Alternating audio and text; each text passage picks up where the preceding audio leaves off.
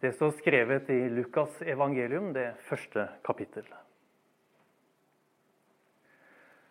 Da sa Maria, min sjel opphøyer Herren, og min ånd fryder seg i Gud, min frelser. For han har sett til sin tjenestekvinne i hennes fattigdom. Og se, fra nå av skal alle slekter prise meg salig.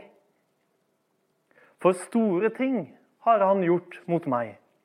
Han den mektige, hellig er hans navn. Fra slekt til slekt varer hans miskunn over dem som frykter ham. Han gjorde storverk med sin sterke arm. Han spredte dem som bar hovmodstanker i hjertet.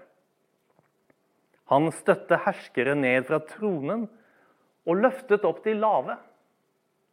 Han mettet de sultne med gode gaver, men sendte de rike tomhendte fra seg. Han tok seg av Israel, sin tjener, og husket på sin miskunn slik han lovet våre fedre. Abraham og hans ett til evig tid. Slik lyder Guds ord.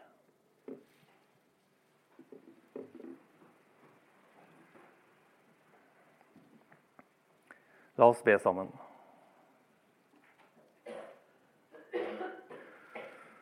Hellige Ånd, jeg ber deg å invitere deg til å komme og fylle oss med lovsang.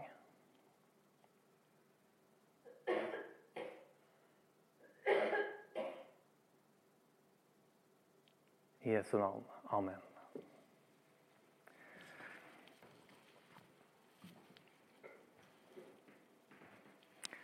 Jeg må innrømme at jeg har øh, I førstningen så grua jeg meg veldig til i dag å preke over denne teksten, for jeg syns denne teksten i utgangspunktet var veldig vanskelig og veldig utfordrende.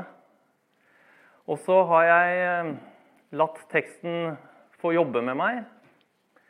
Eh, tenkt på den, prøvd å lære meg den. Jeg har lært meg første del, i hvert fall. Og så begynner teksten å vokse på meg. Og jeg ser at denne lovsangen den er bare den er helt fantastisk. Bare sånn kort da, Jeg tenker at den lovsangen kan deles i to. Det ene først, det personlige.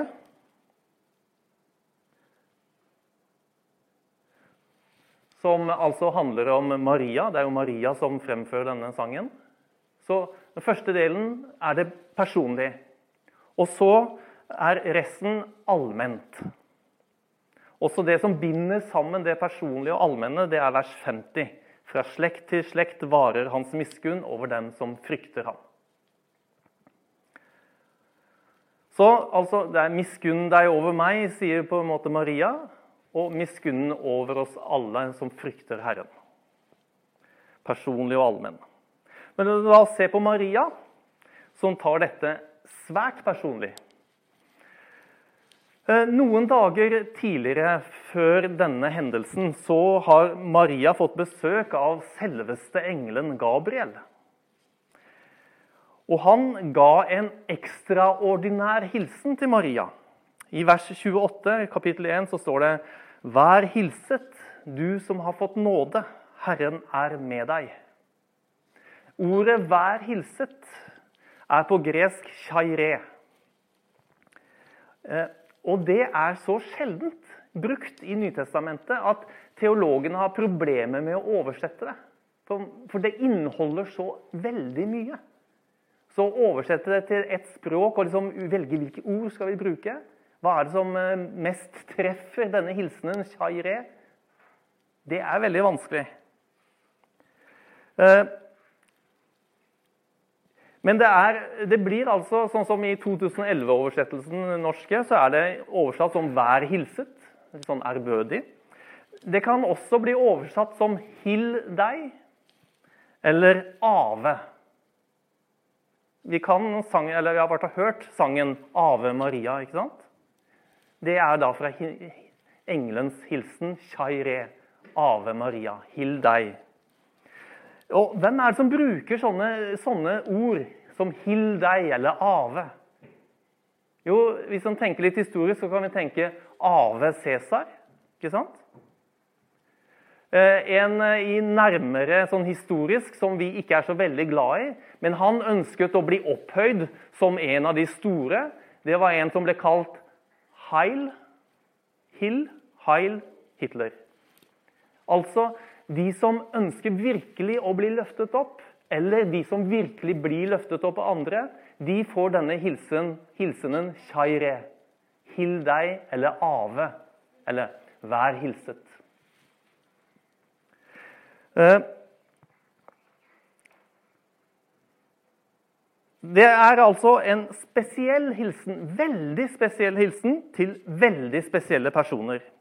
I Nytestamentet er altså Maria eneste personen som får denne hilsenen, bortsett fra gjette hvem andre som får denne hilsenen? Det er én person til. Yes. Jesus fikk den hilsenen. Vet dere når Bibelen sier at Jesus fikk shaire? Fikk 'vær hilset' eller 'hill deg'? Er det noen som vet første gang det står? Det er når Judas kommer til Jesus i hagen og gir ham et kyss på kinnet. Så sier han 'hill deg' eller 'shaire'.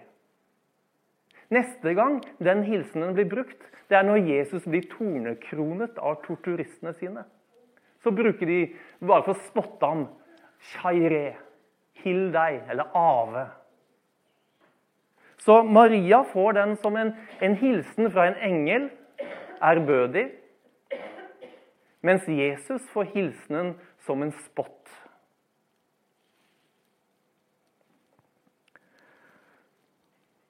Maria blir opphøyet, og Jesus blir fornedret, faktisk, gjennom denne hilsenen.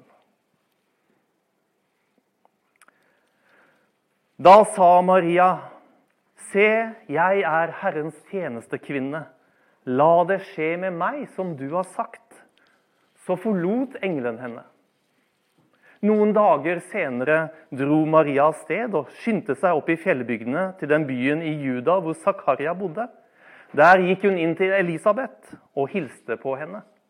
Da Elisabeth hørte Marias hilsen, sparket barnet i magen hennes hun ble fylt av Den hellige ånd og ropte høyt.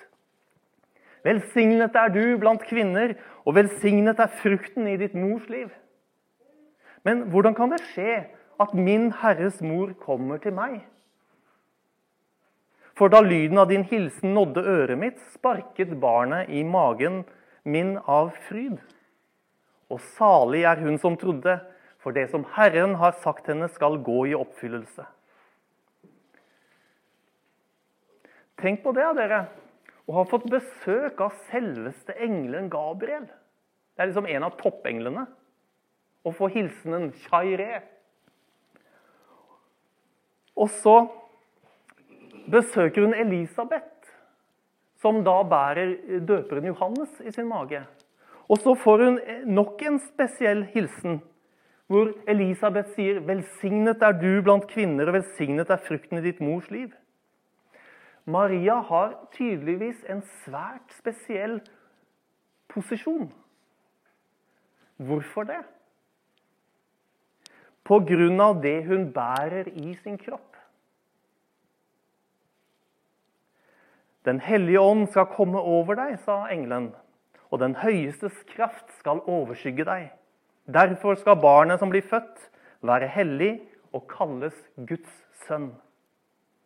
Og med litt færre ord så sier Elisabeth det samme i vers 42. Velsignet er frukten i ditt mors liv.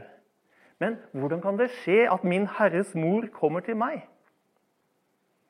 Maria er altså utvalgt til å være min Herres mor. Hun er gravid med Jesus. Gud selv har befruktet henne. Så hva er Maria? Jo, hun er Jesu mor. Eller min Herres mor, som Elisabeth sa. Og så vet vi det at Kirken gjennom 2000 år også kaller henne for Guds mor. For Jesus er jo Gud. Er det da rart at Marias lovsang starter med det personlige. Min sjel opphøyer Herren, og min ånd fryder seg i Gud, min frelser. For han har sett til sin tjenestekvinne i hennes fattigdom. Og se, fra nå av skal alle slekter prise meg salig. For store ting har han gjort mot meg. Han, den mektige, hellig er hans navn. Og jeg, Grunnen til at jeg grua meg litt til i dag, det er fordi denne teksten er vanskelig for oss lutheranere. Fordi denne teksten er Det er nesten sånn at eh, Man kan nesten si at den er katolsk. Jeg syns denne er veldig vanskelig. Det er vanskelig å forstå dette her. Og, og det, det, som viser seg at Gjennom kirkens historie, altså den 2000-årige kirken, så er denne lovsangen tatt inn i det daglige bønnelivet i kirken. Visste dere det? Jeg, ring, jeg, snakket med en kamerat av meg i, i, går. og Da fortalte han at han, han, er katolikk. Og han hadde vært på messe sønn, eh, på eh, sånn hverdagsmesse da, på fredag kveld. Og så Etterpå så hadde han vært med på eh, det som heter vesper, altså tidebønnslivet som er på kvelden. Gjett hvilken lovsang de sang. Marias lovsang. Hver kveld i så å si, etter som jeg har skjønt, i alle klostre og alle katolske kirker, så synges den sangen. Hver kveld. Ikke bare søndag, men mandag, tirsdag, onsdag, torsdag, fredag. Hver kveld synges den lovsangen. Og Det er den romersk-katolske kirke. I, de østortodokse har jeg skjønt, de synger den også hver morgen. Når var det sist gang du og jeg sang den sangen?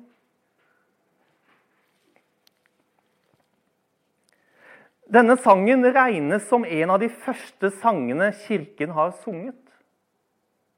Og er en av de mest siterte tekstene i kristendommen.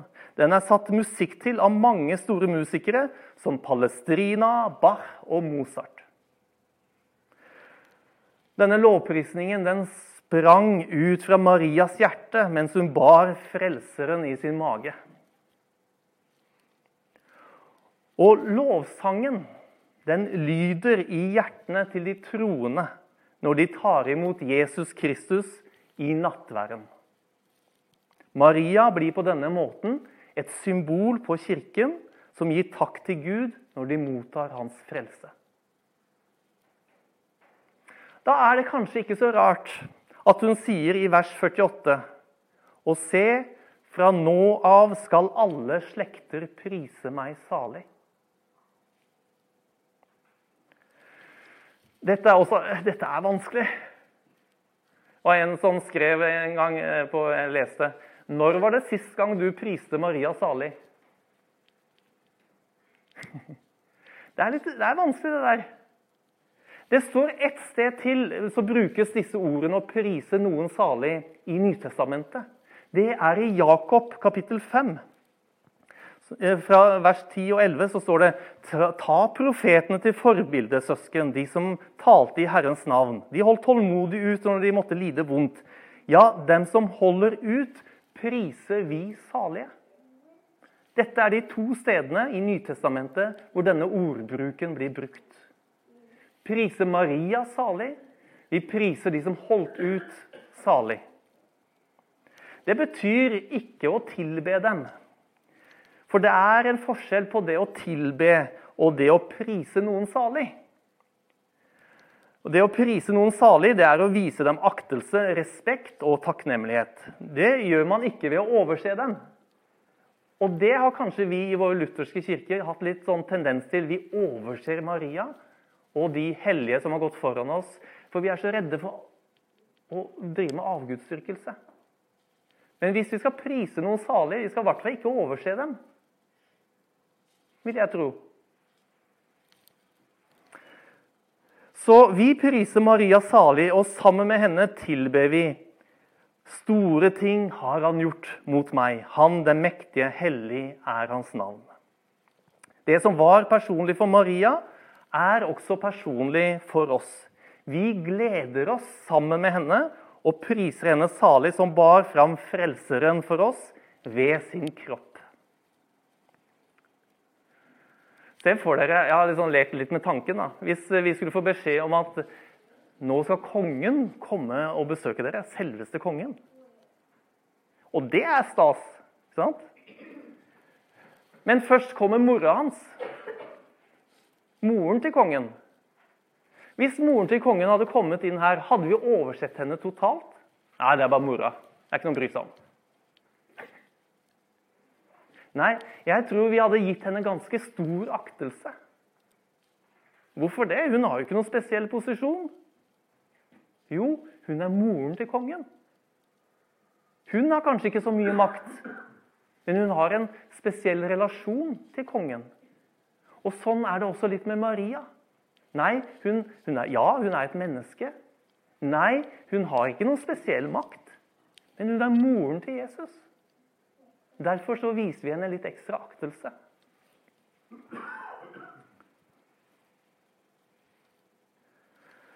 Det som binder det hele sammen, er vers 50. Fra slekt til slekt varer hans miskunn over dem som frykter ham. Så hvordan blir dette vist? Jo, først personlig for Maria, som, vært, eh, som vi har vært gjennom. Men også allment ved å bry seg om og vise miskunn over dem som frykter ham. Og Jeg har lagt merke til det at denne lovsangen er veldig Jeg kan nesten si, kan nesten si politisk. Den er i veldig samfunnsbevisst. Når var det sist gang vi sang en lovsang som var så samfunnsbevisst? Han gjorde storverk med sin sterke arm. Han spredte den som bar hovmodstanker i hjertet. Han støtte herskere ned fra tronen og løftet opp de lave. Han mettet de sultne med gode gaver, men sendte de rike tomhendte fra seg. Han tok seg av Israel sin tjener og husket på sin miskunn, slik han lovet våre fedre. Gud er altså ikke bare opptatt av det åndelige. Han er konkret og vil forandre verden. Eller som en god venn av meg i kirken her sier gjøre verden bedre. Ved å synge denne lovsangen fra Maria så får vi del i Guds hjerte. For de som er nederst i samfunnet. Han som løfter opp de lave og metter de sultne med gode gaver.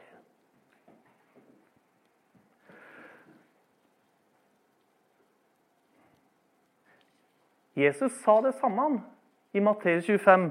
Det dere gjorde mot en av disse mine minste søsken, har dere gjort mot meg. Det å gi de fattigste, de som er lavest, det å strekke ut sin hånd, det å gjøre noe i samfunnet for de laveste, det er også lovsang. Å bry seg om de nederste. Han støtte herskere ned fra tronen og løftet opp de lave. Så det Gud har gjort, og Gud vil gjøre, det er også noe han vil at vi skal gjøre.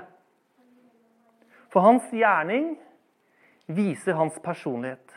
Du kan faktisk ikke skille Gud fra hans gjerning. Han gjør gode ting fordi Gud er god. Og vi er her, eh, vi ser her at de som er store i seg selv, og som samler for seg selv, de støter han ned. Og For å understreke sitt poeng løfter han opp de lave og gir dem gode gaver. Og Jesu liv og lære eh, bekrefter denne lovsangen. Bare se på Jesu åpningstale i Lukas 4. 'Herrens ånd er over meg', sa Jesus. For han har salvet meg til å forkynne et godt budskap for fattige. Han har sendt meg for å rope ut at fanger skal få frihet, og blinde få syn igjen, for å sette undertrykte fri og rope ut et nådens år fra Herren. Og vet dere hva? Det som er godt nytt, eller som er litt skummelt nytt, det er at som Jesus er vi kalt til å leve hans liv videre. I 1. Johannes så står det For som Kristus er, slik er vi i denne verden. Som Kristus er, slik er vi i denne verden. Hvordan var Kristus? Jo, han var tolleres og synderes venn. Sånn var Kristus. Han ga mat til de fattige. Sånn var Kristus. Han helbredet de syke, vekket opp de døde, kastet ut de onde åndskreftene. Han gråt med de som gråt, sørget med de som sørget, lo med de som lo. Han løftet opp de som var lavest. Sånn var Kristus. Som Kristus er, slik er vi i denne verden. Et steg på denne Jesusveien er å synge lovsang. Og hvilken lovsang er vel bedre enn den moren til Jesus selv har lært oss? Er det noen som virkelig kan vise oss Jesus og hans liv, så må det jo være henne.